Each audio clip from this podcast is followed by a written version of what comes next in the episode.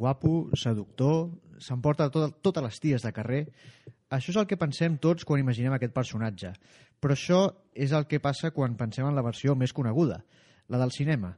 Però el que passa és que ell neix a la literatura i és una vessant d'aquest personatge potser una mica més desconeguda.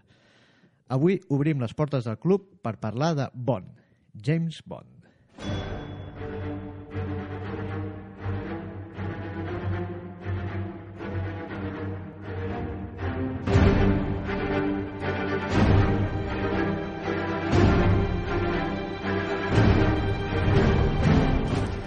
I per parlar del tema ens acompanya l'Amadeu Branera, vingut des del Japó, que ve a, a il·luminar-nos sobre el James Bond. Què tal, Amadeu? Molt bé, gràcies. I com cada setmana ens acompanya l'Oriol Estrada, que avui ja passo de... de, de, Oh, de... Mira, hòstia. avui, és que saps què passa? Jo esperava que em diguessis Money Penny. Clar, és que avui era molt fàcil. Llavors, O, o M, o Q. O M, Q, Q. Que, que, per cert, que es van fotre bronca ahir que feia cigarro perquè vau fer servir malament M o Q. O Q. ja és que ja se sap, som de H&M nosaltres i Q i M no, no sabem. Doncs va, deixem-nos de presentacions i arrenquem el programa.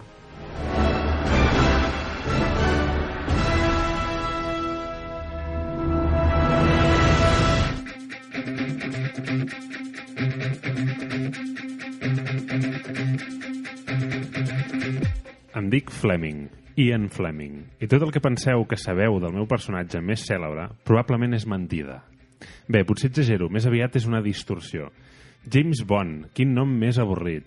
Però probablement és un dels noms britànics més famosos arreu del món. I si jo tingui la cara d'en Sean Connery, Roger Moore, Pierce Brosnan o fins i tot Daniel Craig, sembla que tothom té alguna idea de quina ha de ser l'essència d'aquest espia que vaig crear a mitjans dels anys 50. Doncs bé, us asseguro que us equivoque- us equivoqueu en moltes coses. No és ni tan guapo ni tan seductor. Tampoc ha viatjat mai a l'espai i la primera beguda que va prendre no va ser un martini, sinó un suc de taronja. No us han dit sempre que el llibre sempre és millor que la peli? Doncs no sé si és el cas, però el que sí que és veritat és que quan es tracta de la gent 007 poden ser molt diferents.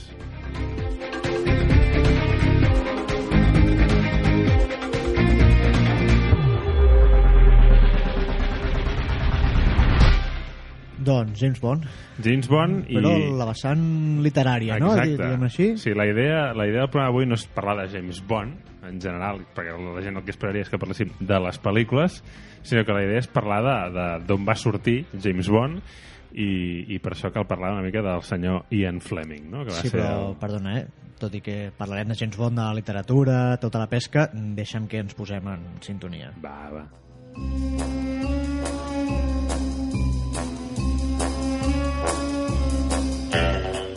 Endavant. No, no, va, va bé la, la banda sonora perquè jo volia parlar una mica primer de Ian Fleming, el, el personatge, no? Perquè Ian Fleming i James Bond Tenen bastant en comú. tenen bastant en comú i de fet fins i tot podríem dir que Ian Fleming era bastant més guai del que era James Bond al principi, no? Potser? Sí, això, això depèn. El, el personatge dels llibres té una evolució al llarg de les novel·les i, i té molt d'Ian Fleming. I és veritat que la vida d'Ian Fleming fins que va arribar a, a començar a escriure les novel·les és prou interessant en ella mateixa. Doncs bé, el senyor Fleming va néixer el 28 de maig de 1908. Ara el tio era un ricatxo. El seu avi era fundador d'un banc escocès, o sigui, us podeu imaginar que hi havia pasta. Uh, I, bueno, es diu, es diu que el tio tenia molts lios de, de faldilles, uh, fins i tot es diu que el van expulsar d'un internat o alguna així per, per liar-se amb ties i agafar gonorrea amb 17 anys tot i que en, en altres fonts apunten de que realment el, van fer fora perquè un dia va sortir, o sigui, va marxar de, de, de l'internat per anar a veure una exposició. No? O sigui que... Bueno, potser era una exposició de, de calces i sostens. També, també. Però bé, li agraden molt els cotxes, deien. Sí. Però també, de molt i que... És Aston Martin o... Això, Ah. això ja ho veurem després. Això Ah, més vale, tard, sorpresa, més vale, vale, vale. Però si, si hi havia, tenia aquesta imatge, el, el seu, diguéssim, el headmaster, que es diu, el, el, el tutor que tenia aquella època, tenia aquesta imatge d'un tio que li, li agraden els cotxes, li agraden les dones, no? Ja veieu una mica per, per on van els trets, no? Llavors, va ser periodista, Uh -huh. va estar a l'agència Reuters, em sembla, molt de temps, eh, i militar. Mm I I, I, més. aquí, I aquí és una de les connexions clares amb el personatge. Exacte, perquè ell estava a la divisió d'intel·ligència naval de l'exèrcit britànic. Exacte, i, i com sabem el James Bond és comandant en la reserva de la Marina britànica. I a part d'això, bueno, doncs, que després de l'experiència de la guerra tot això es va voler escriure novel·les d'espies eh, i bueno, mm, una mica la, la imatge aquesta de, del playboy tio ric, que, amb molts contactes que coneixia, vull dir, hi ha una història d'un primer ministre britànic que es va trobar malament i va anar a casa de, de, del Fleming, vull dir que imagineu els, els contactes que tenia, i a més un tio fumador i bevedor, Molt, molt fumador.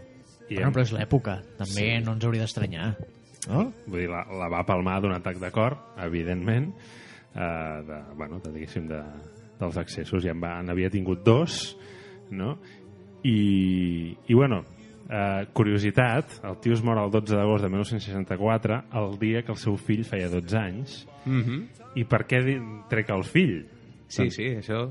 Per què treus el fill? El fill, doncs, per, un nano també amb bastants problemes, que es va suïcidar al cap de- d'un d'un 10 anys així que es morís el seu pare, eh, va estar a l'hospital molt de temps i no sé què, i el seu pare li va voler escriure un conte al seu fill que es deia Chiti Chiti Bang Bang. Què dius? Això és algo Em que faig, no... em faig el sorprès, però tinc el guió, eh? Tens el guió, ja, ja. Però ho sabies, això, abans? No, no, que va. Sí, No Chiti sé Chiti res. Bang... Qui no recordi la pel·lícula, eh, Chiti Chiti Bang Bang, un... Chiti, un... chiti, bam, bam, chiti, chiti, bam. Exacte. Chiti, chiti, bang. Els que tinguin una edat potser no la recorden, però és un senyor que construeix un cotxe volador, Exacte. bàsicament, i se'n va a, Al passat, 20 anys al passat. a, a, a voltar amb la família allò, en castells i no sé quines històries i és del mateix tio que va fer James Bond Sí, sí, és una d'aquelles curiositats que a vegades tenen els autors, no? Déu-n'hi-do. Que, d'altra banda, tampoc no va ser un autor ni molt prolífic ni, ni que varies gaire. Vull dir, va fer això. sí, ja ho hem dit tot, va eh? fer James Bond i Chiti, Chiti chiti, Chiti bang, Bang bang. Bang que dius, bueno, és un, Bueno, no està mal. és un Home, llegat com a... eh, allò, Digue'm algú que hagi fet coses d'aquesta alçada. mm, Més d'una. més d'una no, no, No, eh, tampoc, James, no. clar, no em ve, no em ve al cap. James Bond és que clar, és un d'aquells icones universals eh, absolutes Robert E. Howard, vale. va escriure alguna novel·la per, per nens també? Per Disney, no sé. bé, Diria que no. Però ara, vull fer una puntualització perquè... bueno, puntualització no, vull fer un afegit, no? Perquè has comentat lo de les... Eh, que era molt faldillaire. Després has parlat del fill, sí. però clar, també és interessant comentar que es va casar de penalti. ah. I que, I que, de fet, la primera novel·la de James Bond la va escriure per oblidar la futura boda de penalti que estava a punt de, de tenir. o sigui, va ser una novel·la per olvidar. Sí, sí, vull dir, el tio es va posar a escriure no, no, perquè les hòstia. tribulacions de la boda el veu que el posaven una mica nerviós. Bueno, aquí no, no? Li posem nerviós, alguna així. Però, de fet, mira, avui m'he trobat allò investigant i tal, cartes d'amor d'aquest tio, de Ian Fleming, a algunes de les seves amants, i, i, i això és- potser ja ho tocarem després, però el tio es veu que era bastant sàdic, i el tio començava les cartes d'amor allò molt bé, i t'estimo molt, i no sé què, però es veu que després es va emprenyar amb ella, i deia, et fotré d'hòsties perquè t'ho mereixes, i coses així, eh? Molt bé. I... Era, era tot un gentleman. Sí, Sí, eh? sí, no, no. Hòstia, un cavaller de cap a peus. Bueno, com James Bond, no? que és un tio molt allò progressista, molt poc masclista... Sí, bé. Això, bueno, això el de les pel·lícules. Ah, Ja també hi ha que... sorpresa aquí? Bueno, sorpresa, sorpresa no. El, el, el James Bond de les novel·les eh, potser no és tan masclista, eh, encara que, evidentment, és fill de la seva època, i, i el que sí que té és que els prejudicis que tenia el senyor Fleming a, a la vida privada i les seves opinions personals moltes vegades estan en veu del James Bond i per exemple és marcadament ho- homofòbic entre altres coses no? No, doncs... eh, Bé, però entrem... digue'm, a veure, tornem al tema, eh? Un agent secret de l'època, una miqueta l'imagines així, Sí, no? sí. No crec que fos James Bond un cas especial dintre de... Ja, homo homòfob segurament eren Bueno, a veure, eh, sí Qui, que... no era, qui no era homòfob als anys 50? Sí, sí. I ara? Ja, bueno, ara també n'hi ha molts, és veritat. No, però sí que és veritat que també el, el Ian Fleming de, de jove havia consumit una, un tipus de literatura eh, britànica de personatges eh, del mateix tall, no? De personatges durs, una mica grullers, maleducats, masclistes, i, i una mica el, aquesta influència després es veu en, en, la, seva, en la seva literatura. Home, clar. Per cert, que no era molt amic dels Estats Units, es veu, eh, aquest senyor? No, de, de fet, eh, això es nota, per exemple, amb la relació del James Bond amb el Felix Leiter, que és el, el agent de la CIA, no? Mhm. que sempre és el James Bond el que, el que el manaire, el que, el que mana, el Felix Leiter el que obeeix, i al James Bond tot li surt bé i a l'altre tot li surt malament, no? I això, això es veu una mica el, la metàfora dels de, britànics i els americans. Aquella relació tan d'amor-odi de sempre. Però, però uh, potser no era, no era recíproc, però el senyor J- JFK, eh, John Fitzgerald Kennedy, es veu que, bueno, diguéssim que les novel·les de James Bond van tenir èxit, però tampoc um, ho van patar allò de manera brutal. No, les novel·les van tenir èxit al, al principi, les primeres, però cap a la cinquena, que és Des de Rússia con amor. Dic el títol en castellà perquè és com em surt més ràpid. Sí, eh, amb les pel·lícules les hem vist quasi totes així, no? Sí. Doncs el, el, el Ian Fleming estava una mica frustrat, no? Perquè no, no era el que ell esperava i, i decideix carregar-se el personatge, eh? Vull dir, després que, curiosament, eh, la cinquena és un, aquesta sí que és un gran èxit i té que tornar a fer la sisena, que és Doctor No, Clar, però, i es treu de la màniga un... però el tema de JFK ho dic perquè es veu que ell, en una, en una entrevista que li van fer no sé quina revista, eh, de, de Time o alguna d'aquestes, eh, que entre els seus llibres preferits va posar, em sembla que és uh, Des de Rússia con amor. Sí, sí. des de- O sigui, clar, si John Fitzgerald Kennedy diu una de les meves novel·les preferides és eh, pues això, Ian Fleming, James Bond, bla, bla, bla, pues el que a partir de llavors va ser quan eh, ho va patar bastant. I diuen que en Kennedy, li, que, va, que va, el va conèixer, li va arribar a demanar consell per, eh, solucionar el tema de, de Cuba. Jo aquest extrem no, no, No, no, domino. no, no, atenció, eh? I el que li va dir, hi ha dues versions de lo que va dir. Primer, li va suggerir que li fessin creure a Fidel Castro que la seva barba atreia la radioactivitat. A veure, No, no. vale, Fleming. Uh, clar, li va dir en conya? No ho Digue-li sabem. ara, a veure, a veure, s'hagués patat el moviment hipster? De Clar, cop. no, la idea és que, que li diguessin això perquè s'afaités la barba i perdés el seu encant. No? El, el, diguéssim, el, el, el rotllo imatge. el- No? L'altra versió és que fessin córrer el rumor de que els tests nuclears americans, les proves que feien, havien convertit en, en barbuts en impotents. Déu-n'hi-do, Mare eh? Eren dos consells que... Sí, que la eh? marinera. No eh? sé quin dels dos, algo hi ha del tema de la barba, això està clar, i, de, i, de, i del tema nuclear. Però Sí, bé. però a veure, ja, o sigui, jo crec que això té a veure amb el que parlàvem abans de- d'aquest... Eh, aquesta fòbia als Estats Units, o sigui, estaven donant arguments de merda. Sí, Sí, sí. El tio que estava aquí probablement fent... és la típica resposta de l'anglès eh, amb, amb sarcasme Sí, clar, evidentment. i, i, i potser s'ho van prendre una mica seriosament i es van plantejar a veure com, bueno, com fer arribar el rumor Clar, com tots sabem aquí que el problema de Cuba és que al darrere hi havia... la barba La, no la barba, hi havia Sebastián Shaw i los... ah, sí, clar, a la crisi dels míssils Infernal. sí, sí. Sí, sí. Doncs- I... no, No, no. perdona, perdona, continua. No, anava a dir, anem, anem a parlar de, de James Bond, anem a parlar de... Si vols, comencem per Casino Royale. Sí, però abans de tot, eh, eh, tornant a, a Des de Rússia con amor, no? la, la novel·la t'ha fet... Algú té que tenir, perquè, per exemple, eh, Javier Marías, a una de les seves novel·les més, més importants, de eh, Tu rostro mañana, eh, en parla força, i, i de fet, a, des de Rússia con amor surt el, el Pou, el, el, els anarquistes de- d'Espanya, hi ha un, un, un transfons així, i, i també ho comenta com una novel·la que allà a, a Anglaterra té bastant de, de prestigi. eh? Sí, és una novel·la així, és, és, potser, potser és la millor de totes. No, jo també és el que he llegit, eh? és de les millors. Però bé, Casino Royale, 1952 es posa a escriure i és, escriu, de fet, escriu totes les novel·les de James Bond en els seus tres mesos de vacances que havia aconseguit aquest senyor. Sí, home, aquest era, era, un, era un crac, eh? Vull dir, El tio... Sí, expliqueu això que té molt bona pinta. Doncs el tio, quan, quan el fan responsable internacional de l'editorial, on, on treballava el seu germà, per cert, I, I que gràcies al jornal li van editar Casino exacte, Royale. exacte. Doncs el tio, una de, les, una de les condicions que va posar va ser que al, al cap de l'any tenia que tenir tres mesos de vacances per anar a descansar a, a Jamaica, on tenia un, un, un petit real estate, no? una, un, un, Propietat. una sí. propietat que, eh, si us dic com es deia, segurament us sonarà d'alguna cosa, perquè la propietat es deia GoldenEye. Què em dius ara? Ah, Eh? amics. Ja veurem, ja veurem que... Tema noms... Eh... Sí, sí. De fet, eh, tinc la llista de totes les pel·lícules, de les 24, i l'única pel·lícula que no està basada... Bueno, hi ha algunes pel·lícules que no estan basades en res dels, dels llibres, però són molt poquetes. Ja veureu que totes tenen alguna relació. Eh? Les que no tenen cap relació són el Tomorrow Never Dies, el Die Another Day i a Skyfall. Cap relació amb, amb les obres literàries. Ah, bueno, les, les més recents, bàsicament. Sí, bàsicament sí. Però, per exemple, GoldenEye és tangencial perquè és la, la mansió on, Mhm. on vivia uh, Ian Fleming quan estava a Jamaica.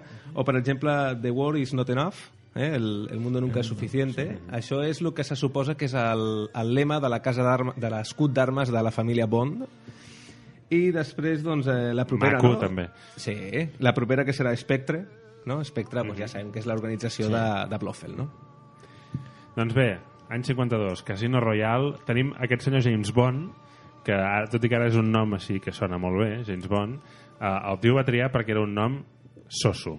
Sí, era un això, nom això és el que diu a totes les entrevistes. avorrit i que, que era el nom d'un d'un ornitòleg. Sí, el, el Ian Fleming el que buscava era un nom que fos el nom més cutre que pogués, perquè la seva intenció inicial, després ja veurem si ho aconseguia o no, jo diria que no, eh? però la seva intenció inicial era que el, el seu personatge fos un element al voltant del qual girés tot, però que ell, com a, com a protagonista, no tingués cap rellevància. O sigui, ell tenia que ser només un instrument del servei secret britànic, un, un instrument rom, a més, o sigui, com un garrot, res re com un escalpel, no, com un garrot, i que eh, tenia que ser un personatge totalment eh, pla i que tot el que li passés al voltant d'aquesta manera seria més exòtic, seria O més sigui, que ell, interessant. ell fos el tret comú de totes les aventures, però Exacte. que no fos el protagonista. Sí, bueno, sí, exacte, ell seria el centre Un on Ted- gravita tot. És un Ted Mosby, no? Sí, Bàsicament. sí, és un, un, un personatge que tenia que ser totalment eh, anodí, no?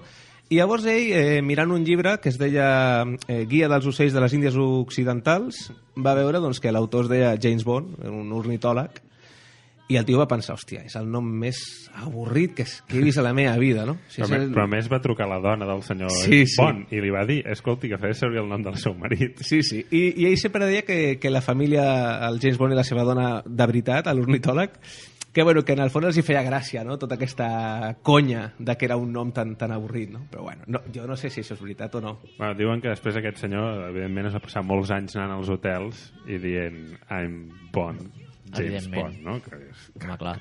com no fer-ho, no? Sí, és que com evitar-ho? A més, i si et dius Bond, i si ets anglès i et dius Bond, com no li poses a un fill teu, James, no? Pues sí, això...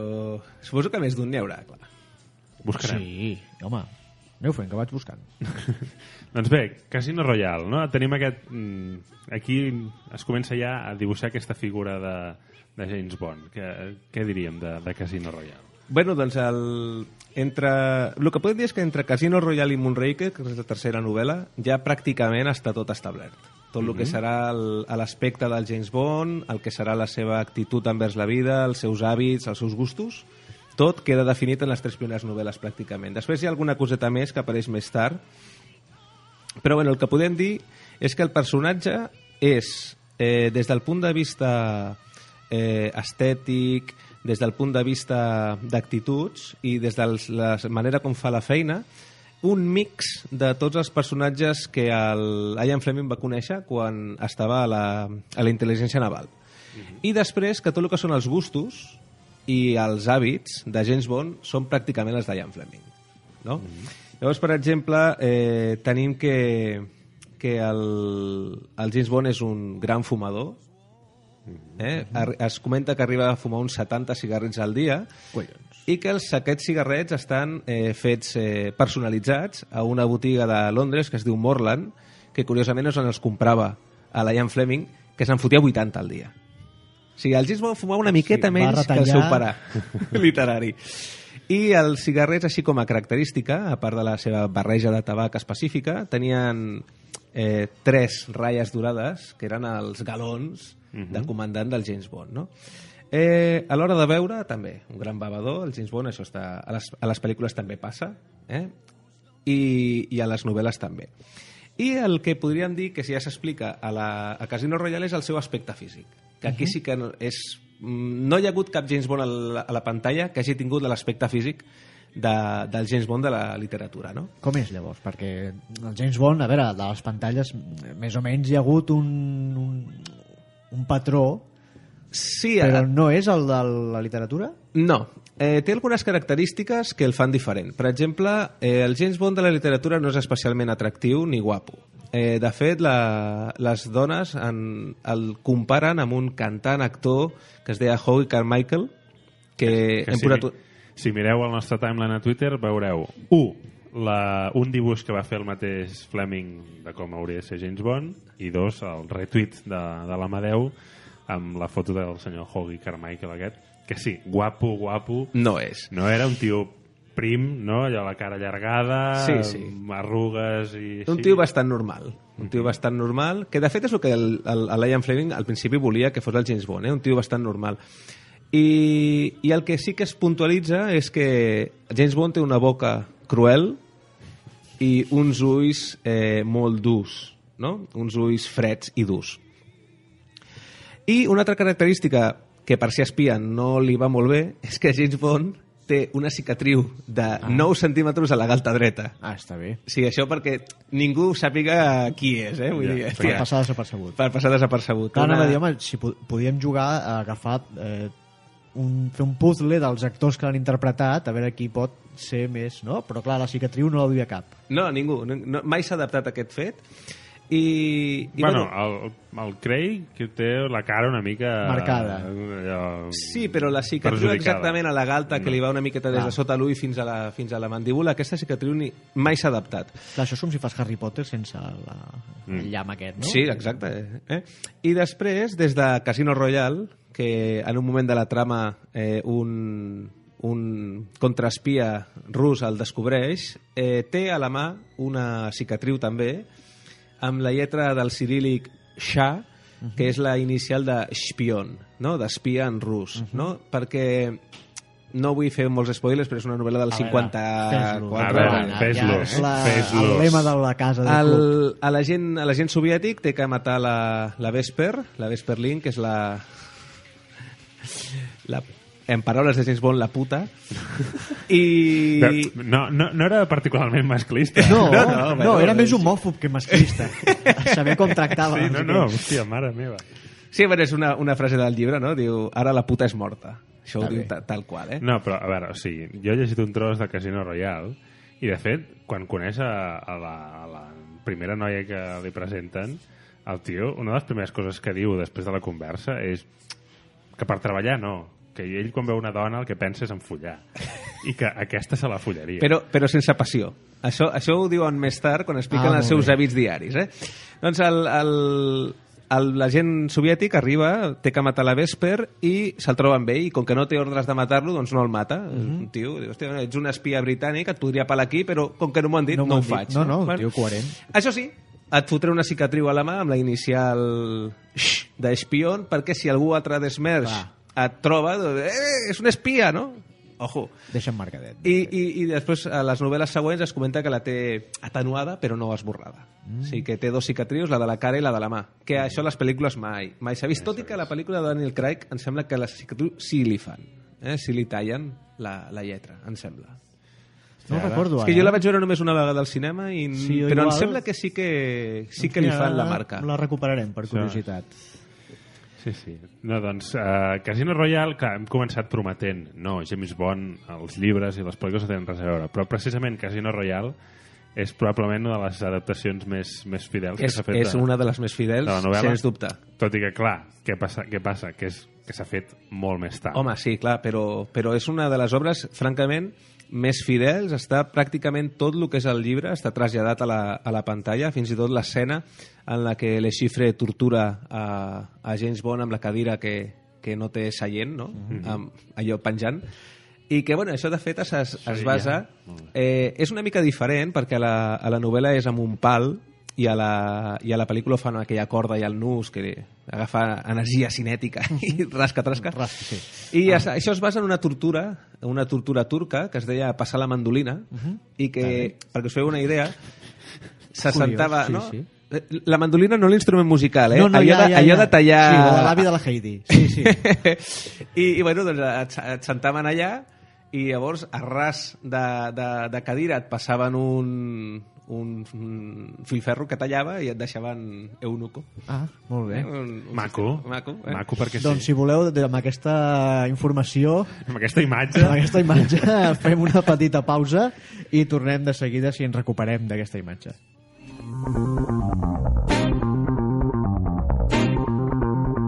Estàs escoltant Ràdio Ateneu del Clot.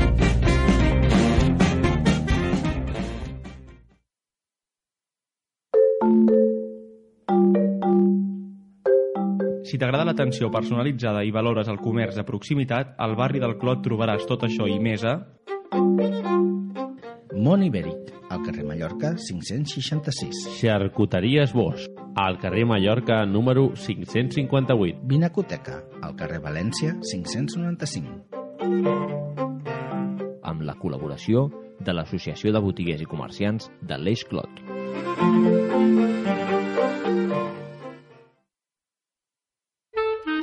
Hosti, Toni, et queda molt bé aquesta boina. Doncs me la vaig comprar junt amb aquests bocassits a una botiga de complementos. A on dius que te la vas comprar? Al Clot tenim botigues de complements. Albert Torres Artesanies, al carrer Rogent 21. Bossa Nova Rogent, al carrer Rogent 98. Cubanito Sabateries, Mallorca 543. La Riba Sabates, Mallorca 567. Amb la col·laboració de l'Associació de Botiguers i Comerciants de l'Eix Clot.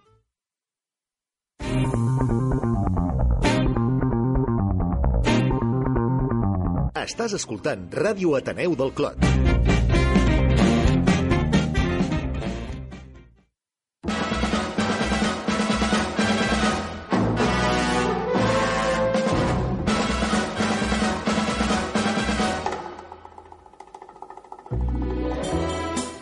I seguim aquí al Club Hellfire amb aquesta música de fons meravellosa. Per cert, que sapigueu que només em sabia hagut una cançó de les típiques cançons de James Bond que ha arribat a un número 1 i va ser la de Duran Duran. Mare. Sapigueu, la resta... sí, és el comentari. La majoria, tot i que són molt populars i molt allò... Ai, sí, Sí, sí, les cançons de James Bond no van d'allò. Però una pregunta. James Bond, quants anys té? Bé, doncs, eh, James Bond, hi ha dos, dos dades per saber l'edat que té. A Moonraker, eh, a la novel·la, eh, s'especifica exactament que li queden 8 anys per retirar-se Uh -huh. i que en el, en el seu cas es retiren amb 45 anys. Vol dir que Moonraker, que és la tercera novel·la, en té 37. Déu-n'hi-do. I com les novel·les passen pràcticament en el moment que estan escrites, doncs podríem dir que quan comença a Casino Royale ja en té 35 i doncs va, va pujant l'edat, no? O sigui, entre 35 i 40. I després hi ha una altra dada, que és la biografia, la biografia autoritzada de James Bond que va escriure John Person, que s'atreveix a dir que va néixer l'11 de novembre del 1920. Uh -huh. Així, si, si us feu una idea, doncs mireu quin any es publica la novel·la i sabreu quina edat té. D'acord? Fantàstic, fantàstic. Però això deu ser com els anys Marvel, no? Sí. Sí. 7 anys és un any? Algo així. teoria. No, el- Això el- són els gossos, no Marvel. No, no, també és, Ah. també és També es així. deia, sí, de, de Són, són, són gossos. Sí. sí, sí. Això depèn, perquè, per exemple, entre Thunderbolt i la següent novel·la, que és eh, L'espia que mi amó, eh, no passa res de temps, i després, en canvi, entre la Solo se vive dos veces i, i la següent, que és el Servicio Secreto de Su Majestat, eh, passa un any sencer que el James Bond està una mica a la seva. O sigui que això no, no sempre és exactament com es publiquen les novel·les, passa al mateix temps, però més o menys sí. Està bé. Seguim. Què Uh, més? Què Què fem? més? Teníem l'edat. Quines més preguntes teníem? Tenim altres dubtes de James Bond. Sí, a l'Àlex abans ha dit lo de l'Aston Martin. Això, sí, el cotxe, l'Aston Martin. La marca favorita era aquesta? No. No, no. De fet, El- el... Ho Fa servir un Aston Un, Martin. un, a Goldfinger. A Goldfinger, a la novel·la, sí que fa servir un Aston Martin amb el sistema de localització que es veu a la pel·lícula, però tot l'altre sempre té un Bentley, que és el, realment el cotxe que li agrada. A les primeres novel·les té un Bentley 4 i mig, fins que a Moonraker el Hugo Drax, que és millor conductor que ell, això ja, això ja ho, ho hem parlat abans uh, del programa, James Bond té molts talents però no és el millor en res. Sí, és, és bastant polivalent, però Eh? no destaca. Llavors, de fet, el tio condueix de puta mare, però Hugo Drax condueix millor. no? i el fa fora de la carretera i perd el seu cotxe. Llavors, el segon cotxe que té també és un Bentley eh, Mark II Continental. Que en alguna pel·li em sembla que també surt, eh, el Bentley. En, en, Sí, sí, alguna. pot ser. Això... Sembla Però, que sí. però a veure, hi ha un tio que condueix millor que ell, hi ha un tio que esquia millor que ell, Sí, també. sí? hi ha un tio que folli millor que ell. Segurament també, perquè... Per això no s'especifica. No, bueno, això no s'especifica, però amb un també, per exemple, la, la, la, especial, la gent especial que comparteix missió amb ell, Galabran, després d'estar ja els dos tancats al, al silo de missils, a la sitja i tot això, el tio es planteja no, retirar-se i casar-se amb ella mm. i quan surten del perill la tia se'n va corrents a abraçar el seu nòvio que l'ha vingut a buscar. o sigui que Sí, és això- presumible que potser sí folla millor que ell. Molt bé. No, no, a veure, o sigui, no està, està bé la dada, a més, que Bon no s'emporta la noia. No, de fet, eh, Bond a les primeres novel·les va de revés en revés. Li foten hòsties per tot arreu. O sigui, ell a, a Casino Royale coneix a la Vesper i la Vesper, no sé si ho sabeu, però té un nòvio pola, polonès que està segrestat pels soviètics i que li fan xantatge perquè ella faci de doble, de gent doble, no? I, i intenti fer que el James Bond no pugui eh, arruïnar el Le Chiffre. Eh, per això després ell, quan ho descobreix i, i ella mor, diu la famosa frase no? que he comentat abans. I sí. després, doncs, el, amb un Reker, per exemple, doncs, el tio està- s'enamora molt de la Galabran, però la tia té el seu, la seva parella i passa d'ell. No? I quasi, quasi fins a Thunderbolt, que és la setena o la vuitena novel·la, no comença a, a realment a utilitzar la seducció com una arma a la seva feina. Sigui, estem parlant de vuit novel·les. Sí, a veure, exactament... Nou novel·les en Nou què, Nou, eh? Nou que el novel·les. tio no, no mulla molt. No, diguéssim. bueno, eh, a veure, sí que s'especifica quan en una de les novel·les es- se'ns diu què fa James Bond quan no està de missió, ¿vale? Això és interessant, el dia a dia de James Bond. El dia a dia de James Bond. Bueno, doncs el dia a dia del James Bond és anar a l'oficina a quarts de 10, més o menys. No, no és qüestió de matinar gaire. Home, eh? Home. home, perquè probablement el senyor Fleming, lo de matinar, no ho ha Sí, fet mai en jo crec vida. que una mica és la seva, el seu no, ideal de vida. que, a no? més, que, a veure, aquí potser és un, un horari normal, però són anglesos. No, no, encara la gent pitjor. s'hi posa abans. Sí, sí, no, les 8 estan molts allà ja.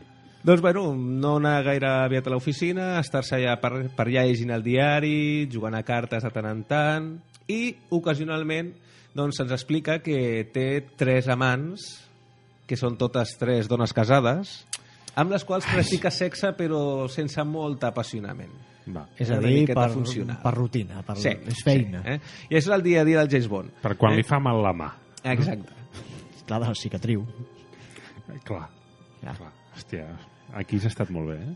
Home, No, no. de tant en tant en tinc alguna. Doncs eh, anem, anem a... perquè se nos va el tiempo i anem, anem a comprar una mica el tema pel·lis i, i, i novel·les. Per, per exemple, el més flagrant per mi, Moonraker, jo de petit, era una de les pel·lis que m'agradava més. És probablement de les pitjors, per no dir la, la pitjor, després, no? Però a mi recordo anar al videoclub, m'encantava la portada, vale? I, i el fet de que anessin a l'espai i el dientes de tiburón allà Home, clar. saps? Ja. Amb gravetat Sí, sí, zero i tot Jaws, això, eh? estava molt bé, no? Però a les novel·les, ni espai ni hòsties. No, no, de fet... Com que no? No. M'està caient un mite. A, a les novel·les James Bond viatja bastant, com, com a les pel·lícules, però, curiosament, Moonraker és l'única novel·la que no surt d'Anglaterra. Ah, està bé. El que més fa és anar de Londres a Dover. és tot, tot el viatge que fa. Veus com van fer la pel·li que van decidir? Com que no hi ha res exòtic, eh, anem-nos a l'espai. Quan van fer la pel·li era el 79 i van dir, hòstia, Star Wars ho ha patat ah. i tenim que fotre aquí el James Bond fotent làsers i tiros a, a l'espai com, com un Pepe. Sí, m'agrada. Aquest és el, Sí, sí. la filosofia de les adaptacions. No, no, fantàstic. Quina més diries que s'emporta la palma amb el tema aquest? Home, a veure, n'hi ha algunes que són, que són molt clares, no? Per exemple, eh, el, el, L'espia que mi amó és una novel·la que és molt diferent. És molt diferent, no? De fet, eh, la novel·la té tres parts, que serien eh, jo, ells i ell, d'acord? I eh, l'espia que mi amó seria la traducció correcta. El espia. El espia que mi Ah. amó. Perquè la novel·la està en primera persona explicada per una noia que arriba a un, a un motel i ens explica la seva vida sexual anterior.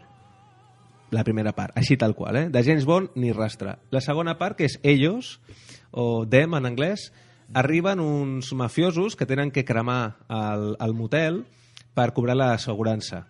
I la tenen que matar amb ella perquè ella sigui la culpable de l'incendi i així poder cobrar l'assegurança. Eh? James Bond ni surt. Ni apareix. Eh? Ni apareix. Molt I a bé. la tercera part, que és him, eh? ell, és quan arriba James Bond, que està tornant de Thunderbolt, que és la novel·la anterior, i eh, té, bueno, pues, salva la noia, es carrega els, els mafio, aquests mafiosetes i bueno, pues, tenen un petit encontre sexual, Sense passió. sense passió, evidentment, i a l'endemà pues, el tio ja marxa, no? I la noia eh, és la que ha, ha parlat tota la novel·la per explicar-nos pues, que James Bond és l'espia que la amó amb ella. Eh? Val, no, perquè clar, quan has dit l'espia que me amó ja està pensant en coses eh, una mica No, clar, ja sabem que no li agradaven. No, no. li agradaven gaire. I, i més si s'hagués dit l'espia que mamó. Això és pitjor. I, I el tema està que, que la, la novel·la en, no va ser ben rebuda Mhm. no? per aquesta estructura i tal, i el Lion Fleming, quan va, donar els, va vendre els drets de, per fer les pel·lícules, va dir que d'aquesta l'únic que es podia fer servir era el títol. Mhm. Llavors, que la pel·lícula eh, es diu així, però aprofitant que en anglès no hi ha gènere, Clar, pues, aprofitant.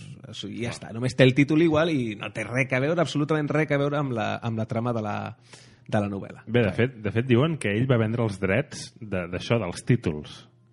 Bueno, això jo no ho puc assegurar, que, però... Que després, que després s'assemblés o no s'assemblés ja era eh, eh, diguéssim, decisió de, dels que feien la pel·lícula. diguéssim. Home, a veure, hi ha, hi ha moltes novel·les que tenen moltes llibertats creatives. Home, a veure, o sigui, eh, Moonraker, per exemple, no? Pintant-lo amb ell com el pinteu, jo crec que el que li interessava era cobrar, si venia els títols i ja està. No, no, és això, és que diuen que, a més a més, no? que, que ho va vendre així, en plan pim-pam, perquè necessitava els calés per comprar un cotxe o no sé quina història, eh? Vull dir Sí. que, un, un de bel- fet, no, això no ho hem comentat, però la primera adaptació que es fa de Casino Royale, n'hi ha tres de Casino Royale. Hi ha la, Sí, hi ha una per televisió de la Ah, CBS. exacte, de l'any 56, em sembla que és, Mhm. no? I, i que em sembla que és, també és bastant, és bastant fidel. Sí, és un, és un serial televisiu, és així en blanc i negre, em sembla. Mhm. És una obra, bueno, pues per, per fer una miqueta de, de pel·lícula i prou. I que té un James Bond que, bueno, no és guapo. No, és un tio molt normal, Normal, sí. igual potser seria el James Bond més, eh, més encertat, salvant les distàncies, perquè també és... A Liam Fleming, el, quan van fer la primera pel·lícula amb el Sean Connery, Mm. ell el que ell volia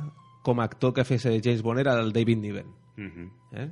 que tenia més aquell esprimatxat... Més Sí, així. i més, una mica més la flema britànica també, no? Mhm. Sean Connery era una mica brutote pel, pel Sí. gust del, del, Pel personatge, sí, no? de la Fleming, no? Però bueno, era escocès, Sí, això sí, això sí. cosa que ja, ja estava bé, no? Què més? No sé, Los Diamantes, la de Los Diamantes... Bueno, Diamonds Diamonds, Forever? per, bueno, Diamonds for Forever eh, tampoc és una de les adaptacions més fidels. Eh? Mhm. Comparteixen alguna coseta com a la Tiffany Case, que és la noia, eh, el fet de que hi hagi un, una xarxa de, de contrabanda de diamants que van des de Sierra Leona cap als Estats Units, no? que passen Mhm. per Amsterdam i tot això. Bueno, això més o menys s'adapta de la novel·la. Però la novel·la l'única trama que hi ha és aquesta. O sigui, a James Bond té que desarticular una xarxa de contraband. Mentre que a la, a la pel·lícula s'afegeix el fet de que els diamants són per fer un super mega làser i bla, bla, bla, bla, hi ha una persecució a les dunes amb un cotxe de la lluna, en fi, desvarios varios, no? Però bueno, tampoc. Si passem a la següent, Front Rússia, eh? des de Rússia con Des de amor, Rússia con amor. és una de les més fidels. Estem veient una imatge del James Bond de la, del 54, del primer Casino Royale, i... És un tio lleig. Sí, bast... o sigui, és, mm, no sé, a quin actor podria semblar-se avui en dia, això? És difícil, eh? Però el penjarem, el penjarem és, i... Ve ser un, un, un Matt Damon de quan està gordo? O un Mark Wahlberg, no? Més, és més Mark Sí, Wahlberg... però tots amb la tapa de gordo, no de sí, catxes, sí, no, no, eh? Mark Wahlberg gordo. Sí, sí, sí. Mark Wahlberg d'aquí 10 anys, per dir alguna cosa. Seria la, la descripció. Continuem amb Des de Rússia con amor, Des de Rússia con amor. que és una de les més fidels. Tinc entès que Eh? aquesta és molt fidel i l'únic que canvia és el cliffhanger que hi havia a la novel·la al final. Sí, eh, tots recordeu a la, pi- a la, a la pel·lícula que hi ha aquella, aquella russa amb cara de mala hòstia, la, la Rottenmeier soviètica, que té el, aquella bota tan inquietant, no?, que surt una ganiveta, no? un ganivet allà de la punta, no? Doncs a, a la novel·la li fot la patada. Ja hem dit abans que, que l'Ian Fleming estava una mica frustrat perquè la cosa no anava com ell esperava, no, no acabava de, ter, de tenir l'èxit que, que que ell volia. pensava i va decidir que se'l pelava. No? I l'última escena de, del llibre és la Rosa Klebb li fot la patada i el deixa eh, enverinat amb un verí que durant el llibre s'ha dit que no té cura. Mhm. amb la qual realment... Però... Però no es diu que està mort. Mhm. No es diu que està mort, eh? Llavors eh, ve Doctor No, que, bueno, és bastant fidel, també. Que va ser la primera pel·lícula. És, sí, la, la primera pel·lícula que es va fer. Jo destacaria com a diferència doncs, el, el fet que, que la noia, la Honey, Honey Rider, a la novel·la, per exemple, quan surt de l'aigua està completament despullada. Que això és una de les escenes més mítiques de James Bond. Sí, la Ursula Andrews. Els Eh? Andrews sortint amb aquell banyador, que després es va repetir uh, com, Es repeteix dues vegades, en versió masculina. Però primer es repeteix a... Sí, amb la Halle Berry, no? Amb la Halle Halle Berry, Berry. i de fet, si, si aquella escena us fixeu, el Pierce Brosnan està llegint el llibre de los pájaros de las Indias Occidentales Ah, sí? del James Ah. Bond original. Que curiós. Molt bé. no? Està llegint aquest llibre, no? Però després en voler fer amb el Daniel Craig que fes Sí, exacte, que fes la contrapartida per modernitzar i que no fos tan masclista, no? Però la novel·la surt la tia en pilota. En pilotes, de Tant de fet- bo hagués estat així. Sí. però- Eh, surt, només porta un cinturó de cuir per on penja el ganivet Mhm. i les ulleres de bussejar de color verd, una combinació una mica estranya, però bueno. En fi, eh, després tenim eh, Goldfinger, que també és molt fidel, eh, molt fidel, excepte al final, eh, una miqueta diferent al tema de, de, de Fornox, que també és el pla del llibre, eh? el pla del llibre també és eh, robar Fornox, però us en recordeu que a l'avió, quan es dispara la pistola, el Goldfinger surt volant per la finestra, no? No sé si us recordeu aquesta escena. Doncs el llibre no és així. El llibre el que surt volant per la finestra és el coreà, l'Hot Job, i el, Ja el. Bond i el Goldfinger acaben a, a tiros. Racisme. Eh? Ah, sí, sí, sempre, sempre. Eh, després ve un recull, que és el Solo para sus ojos, eh? un recull, i aquí tenim algunes cosetes, no? Per exemple, el primer relat és Panorama para matar, en la traducció de la pel·lícula en espanyol, A View to Kill. que només hi ha el títol, no té res a veure la, la trama. Uh, solo para tus ojos... Com es que- deia la Grace Jones, aquella? Uf. No surt, no? Sí, sí, sí. Sí, Sembla surt? que és aquesta... Uh... Però dic, surt el personatge la... No, no, gens, gens. No té res a veure. L'únic que s'agafa és el títol. No hi ha res més, eh? Aquí no hi ha res més. Uh, Solo para tus ojos, que és una adaptació que no té, no té cap fidelitat, eh? Només hi ha una trama pròpia i el que sí que té és una miqueta, no?, el, el, el personatge de la noia que, que li maten els pares és del relat, curt, i després hi ha un altre relat en, la mateix, en el mateix llibre que és Rísico, que és el que parla del Colombo i el Cristatos, que surten a la, a la, a la pel·lícula. El Colombo. Sí, el, el que fa és el Topol, el que feia Si yo fuera rico, el violinista en el tejado, eh? Ahà. Doncs d'això, hi, ha un, hi ha una trama pròpia més dos episodis agafats dels relats. Mhm. En aquest recull també està Quantum of Solace, Ahà. Que seria el títol de la pel·lícula 22, La penúl- però res més. penúltima. Només el títol, eh? No, res més. I després a Hildebrand Rarity, que és el- l'últim relat, i que està parcialment adaptat a Licencia para matar. Eh? O sigui, fan aquí poti-potis. Sí, una miqueta. Està és, en aquesta és on està aquell, aquell personatge tan maco que té una, una cua de, de manta ratlla que li diu el corrector amb li, com li fot pallisses a la dona. Està bé. M'ha sortit un dubte. Abans hem parlat del James Bond masclista, no tan masclista com a les pel·lícules, homòfob, i ha sortit així de rasqui. El tema racisme, ja que viatjava tant per tot el món, es tocava o No és algo no que és... jo hagi detectat a les novel·les una visió excessivament racista. El que sí que hi ha, i això va amb el tema del que l'Ian Fleming era una mica sàdic, eh, hi ha molts personatges femenins que, que són rap, eh, violades Ah, bé. en els llibres o abans dels llibres? O sigui, que tenen com un, com un trasfons, no? un rerefons. De fet, la, la Honey Rider, la de Doctor No, eh, surt despullada i se suposa que és bastant guapa, però té un defecte i és que té el nas trencat perquè de, amb 15 anys el seu tutor, cuidador, com vulguem dir, perquè és orfa, li havia trencat el nas quan la va violar. Eh? De fet, el Doctor No és una novel·la que es, es va criticar molt. Per, el, acusaven el Fleming de, de, de ser un sàdic i, i voyeur. Que això Sí, és algo sí. que... Lo del voyeur, lo de sàdic ho puc entendre. Lo de voyeur... A veure, el de sàdic és veritat, no? Perquè ja la, quan explica que la Honey va ser violada, després quan el, el doctor Julius No en el, està obsessionat amb el, amb el dolor. Mhm. Eh? Des de que ell perd les mans en, en un tema de, de màfia xinesa. I llavors el que té és una espècie com de laberint del dolor i tal que, que li fa passar en el James Bond.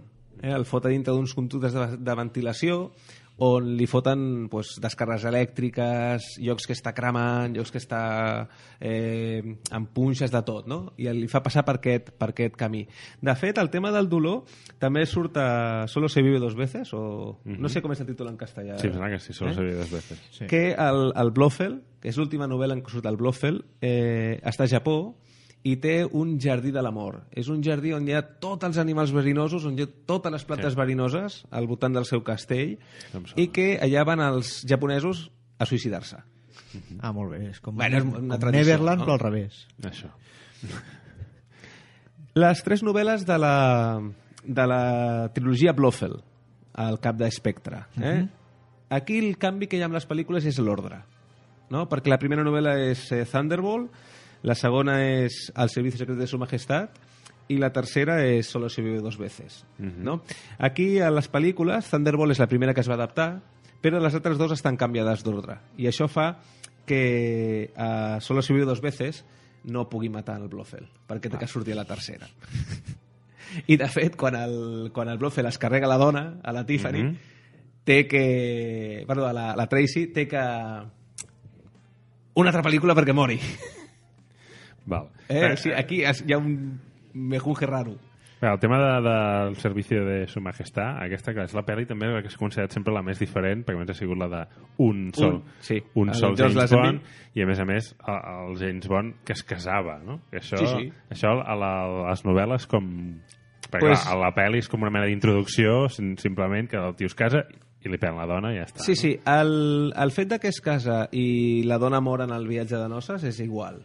I, de fet, jo considero que és una de les novel·les que estan més fidelment adaptades a, a, la, a les pel·lícules. O sigui, realment és, és una novel·la que eh, el que és la trama general i els detalls són tal i qual a la pel·lícula. Eh? És una de les que són fidels. Eh? Per cert, a nivell literari, perquè hem parlat molt del que passa, del que no sé què, no sé què, que tu te les has llegit totes. Què diries? Ian Fleming feia literatura pulp eh, cutre, eh, així bestsellers eh, i tal, o era algú més el que feia? No, literàriament són, són molt justetes. O sigui, el, el Ian Fleming el que fa és explicar unes històries que tenen suspens, que enganxen.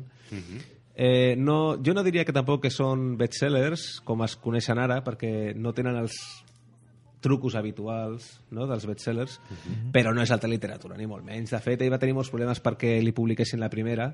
Ell tenia una exnòvia amb la que tenia bona relació i li va deixar llegir a Casino Royale i la noia li va dir que, que no ho publiqués mai, que allò era infumable i que si ho volia publicar que ho fes amb pseudònim perquè li faria vergonya, no? O sigui, és més literatura pulp, d'aquesta de consum ràpid. Sí, sí, sí, sí, exacte. És que si, si aquestes novel·les, a més de ser dels anys 50-60, haguessin sigut dels anys 20, és probable que estiguessin a la categoria doncs, de Robert Howard i totes aquestes coses. No? Bueno, Raymond Chandler no estava d'acord amb tu, eh? que aquí diu Masterful, Beautifully Written. Bueno, sí, eh? és, és com aquelles... No, no, el Robert Howard a totes les novel·les hi ha la cita de Stephen King que posa thrilling. Thrilling. Ho va dir una vegada i, i ho foten a totes les contraportades. Ah, en fi, a veure, són novel·les per passar el temps. Jo, l'avantatge que tinc és que com les he llegit en anglès, Uh -huh. el meu anglès em dona per, per entendre-les bé i no tinc cap problema, però no em dona per jutjar-les. Mhm. Amb la qual jo m'exigeixo la història, que és el que m'interessa, m'ho passo bé, es llegeixen molt ràpid, són senzilles, no hi ha floritures, Uh -huh. i, i ja està. De tota manera, si a algú li interessen les novel·les o les històries literàries i no té ganes de llegir-se les novel·les, sempre pot tirar mà de les tires de còmic. De les tires Hombre, còmiques. Eh? Hombre, quina notícia. Eh? Les tires de Me còmic... voy a leer el Me cómic. voy a leer el cómic de James Bond. Porque verte la peli no, porque a veces no es igual. No, Però el, el còmic sí, eh? el Material còmic està original. adaptat en tira diària de premsa i excepte Thunderbolt que va haver-hi un petit problema de sindicalització i Sí, van què tenir va passar? Que... és força curiós. Doncs bé, el, es van començar a adaptar les novel·les de James Bond al, al mitjà de tira diària per, per diaris i la cosa funcionava bé però eh, al moment que estaven adaptant Thunderbolt, quan ja portaven més de mig llibre adaptat, doncs va haver-hi un, un problema de drets i van dir "Xt, hi ha aquest allà, que això no funciona, això Ah, s'ha d'arreglar. I en l'última tira doncs, van agafar i, i a cada vinyeta van explicar el que passava més o menys en 20 pàgines del llibre. I fin. Ah, I fin. i aquí- s'acabó. I hi ha una, una batalla de, de, de dos exèrcits submarinistes que està amb una vinyeta. Mira, encara que han triat aquesta escena, que deu ser més espectacular de veure. Perquè, Pues si sí, no... pues sí. Doncs, eh, igual que les tires indicades, a nosaltres també se'ns acaba el temps i hem d'acabar, com cada setmana, amb el Todo lo que mola, todo lo que jode.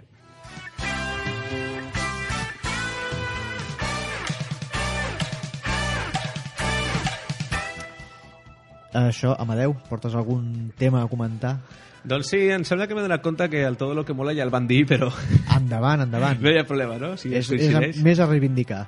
Bueno, doncs eh, el meu Todo lo que mola és les edicions integrals de còmic franco-belga que està fent Dolmen, que, a veure, en principi jo bueno, col·lecciono els de Natasha i els de Los Hombrecitos, i estan fent també Quene i el Sacramús i eh, el, ja, el Johan i Pirluit, que és on sortien primerament els pitufos, no? els barrufets. I el Todo lo que jode... Bueno, tinc, tinc dos coses. Ja tinc un Va. Todo lo que me preocupa. Ah, Todo sí, lo que me preocupa. Todo lo que me preocupa, ostres. És O me nova- inquieta, no? Todo lo que I és, té. és la rumorologia al voltant del Spider-Man negre, Ah, sí, que ha sortit la notícia fa poc. perquè Bueno, a mi... no, no han dit negre, han dit que no serà blanc, Ahà. perquè podia ser també hispà. A, bueno, aquest O és el, el tema. vi. O el vi. Doncs Ah. a mi el que em preocupa és si van a fer una adaptació del Miles Morales, que és l'Spider-Man De l'uni- de l'univers del Ultimate. Ultimate, llavors em sembla correcte. Vull dir, bueno, doncs agafen aquest Spider-Man i ja està, no? Però si el que fan és fotre el Peter Parker no blanc, això llavors no, no m'agradaria. És com lo de l'antorxa humana, però bueno, és igual. Eh? Vull saber exactament per quin de les dos camins van. Ens Jo preocupa, ens preocupa. Tinc la sensació de que aniran per un Miles Morales, perquè tot el rumor apunta que serà un Spider-Man molt jove un altre cop. La meva, les meves, els meus somnis humits de veure Spider-Man casat d'una puta vegada al cinema no passaran. Deixa de desitjar coses perquè no passen. Home, Ja, vam, per vam, aconseguir, jo vam aconseguir que Benedict Cumberbatch fos Doctor Extraño. Sí, sí. Home, això és cosa nostra. Però ja està, una, ja Una. està. Val, val. Doncs jo crec que aniran per un Miles Morales, eh? Ah, Spider-Man jove. Sí, és- en I aquest espero que mantinguin una mica la, la idea d'ell, de, del Miles Morales. Però, clar, també poden fer el que dius tu, Peter Parker negro. Bueno, és Miles Morales, però... Eh, No, perquè no és, nom, el, no, perquè no és el mateix personatge. No, però li canviant el nom i ja està. Sí, Sí, no és Miles el mateix Morales, personatge. però Peter Parker. És I- com el Han Pym i Scott Lang. No són el mateix personatge, tot i que siguin hombre hormiga. Mhm. Això ho veurem d'aquí poc ja, eh? no, no Sí. trigarem molt a veure-ho. I el todo lo que jode, doncs que una cosa personal, i és que la setmana que ve ja me'n torno al Japó, Home, i allà t'hauria d'agradar tornar al Japó. allà té coses bones, però una de les fotudes és que allà no puc descarregar res. I, Ah. i no puc seguir les sèries i, i em quedaré pues, fins a l'any que ve penjat. Per això estàs... Hòstia, quina putada, cre- no? Estàs ara aprofitant, no? Sí, bueno, home, dur. no, no ho diré per aquí perquè encara vindran els de l'Ice Guy o, o Ui, alguns sí. d'aquests. No? Sí. Quina feina. Primer ens haurien d'escoltar, eh? Sí, per això el, el Todo lo que mola original era que tornava a Vikings, però com m'he donat compte que no la podré veure, doncs ja no... Val, és un tot el que... Però ha tornat força bé, eh? Cau un... Cabron. Doncs ja he recordat el meu tot el que mola. Va, digues. I a més a més té molta relació amb el que hem estat parlant avui. I el meu tot el que mola és Kingsman, Ah, la pel·li. Mhm. val? Vaig anar a, la, a una preestrena i, bueno, em sembla que ja s'ha estrenat, no? Es va estrenar. no, s'estrena aquest divendres Aquest proper. divendres. Sí. Pues la vaig veure dijous passat i em va encantar. És a dir, és... No és ben bé, no li podies dir ben bé una... Jo no he llegit el còmic, eh? però no és ben bé una paròdia de James Bond, però sí té punts de paròdia i molta referència a James Bond indirecta, però és una pel·lícula de sí catxonda. O sigui, és, és, és tornar al James Bond dels 60, Mhm. pel·lícules d'aquestes d'espies amb coses totalment inversemblants. Gadgets És, increïbles. Alguns gadgets amb, amb humor així molt, molt absurd, no? Perquè ara les pel·lis d'ara d'espies són molt sèries, no? Si tu mires el Bourne, uh, Mhm. jo què sé, uh, 24, tot això... És, Sí, però això també s'ha anat impregnant. nou James el, Bond. el nou James Bond s'ha impregnat de I el tota aquesta violència molt seca. sí, sí, Que doncs, tots són cops molt, molt secs. Jo crec que, per, que evidentment és, és cosa de Bourne, eh? però que és qui canvia aquesta violència física Mhm. Doncs- tan brusca. doncs Kingsman té aquest, aquest sentit de l'humor que està bé, però sí que té una escena amb Colin Firth de- d'acció que és brutal. O sigui, per, probablement és una de les millors escenes d'acció que haurem vist en els últims 10 anys i, i amb qui la vaig anar a veure els dos van pensar en Kill Bill, l'escena del restaurant. Ah. Molt bé. Hem dit, hòstia, mm, està allò al nivell o inclús és molt és diferent, evidentment, no és, no, és, no és el mateix, no són aquestes arts marcials, però Espereu-vos a l'escena de Colin Firth i, Hosti, doncs hi ha, hi ha moltes ganes de veure-la, eh, aquesta. important. I el todo lo que jode Sí. que l'Ego, per tenir tres humans, No està no, no hagués estat uh, als Òscar, com a més pel·lícula d'animació, que hauria d'haver estat com a millor pel·lícula a seques. i, i que més hauria guanyat segur a Big Hero 6 que a mi m'agrada Big Hero 6 però abans em quedo amb l'Ego eh? Sí, però Big Hero 6, com a tot el que mola, per dir-ho així, és la primera pel·lícula de Marvel que Mhm. aconsegueix un Òscar a millor pel·lícula. Exacte. Tot i que sigui d'animació. Però ja és, ja és un què. I també que una altra pel·li que toca de rasqui el gènere superheroi, molt de rasqui malgrat que la promoció et fan creure que és, Que ho és. que ho és. Eh, que és Birdman, Birdman. ha guanyat de l'Òscar a millor pel·lícula, a part del millor director, i el Todo lo que jodes, que no l'hagi guanyat Michael Keaton. Exacte, perquè és, tot el que jode en general, podries dir de Hollywood, és això, no? Si és un discapacitat, si és algú que està malalt, No, Òs- mira, Òscar, punto. l'altre O dia- guanya molt de pes o s'aprima molt. Mm, Per què? L'altre dia, al matí, a la claqueta, aquell dissabte passat, l'amic Fausto Fernández ho va descriure millor que ningú. O, malalt o subnormal. Malalt. I tens l'Òscar, i a més, comptem que els dos actors principals, a més de malalts, són pels rojos. Sí, això a la competència... I és que com que no tinc idea de, de, de les Oscars, què ha guanyat el de Stephen Hawking? Stephen Hawking Ah, i ella la Julianne Moore, que fa de malalta d'Alzheimer. Ah, no, ni Clar, és, és, és quasi... Siempre és, és, és quasi una... És que és, és, bueno, Sí. Fa riure. Doncs res, això acabem. Moltes gràcies a Amadeu per acompanyar-nos i haver disseccionat el James Bond Ui, literari. encara queden més coses, eh? Però... Doncs ja en farem un altre. I a la resta, doncs, fins la setmana que ve. Vagi bé. Adéu.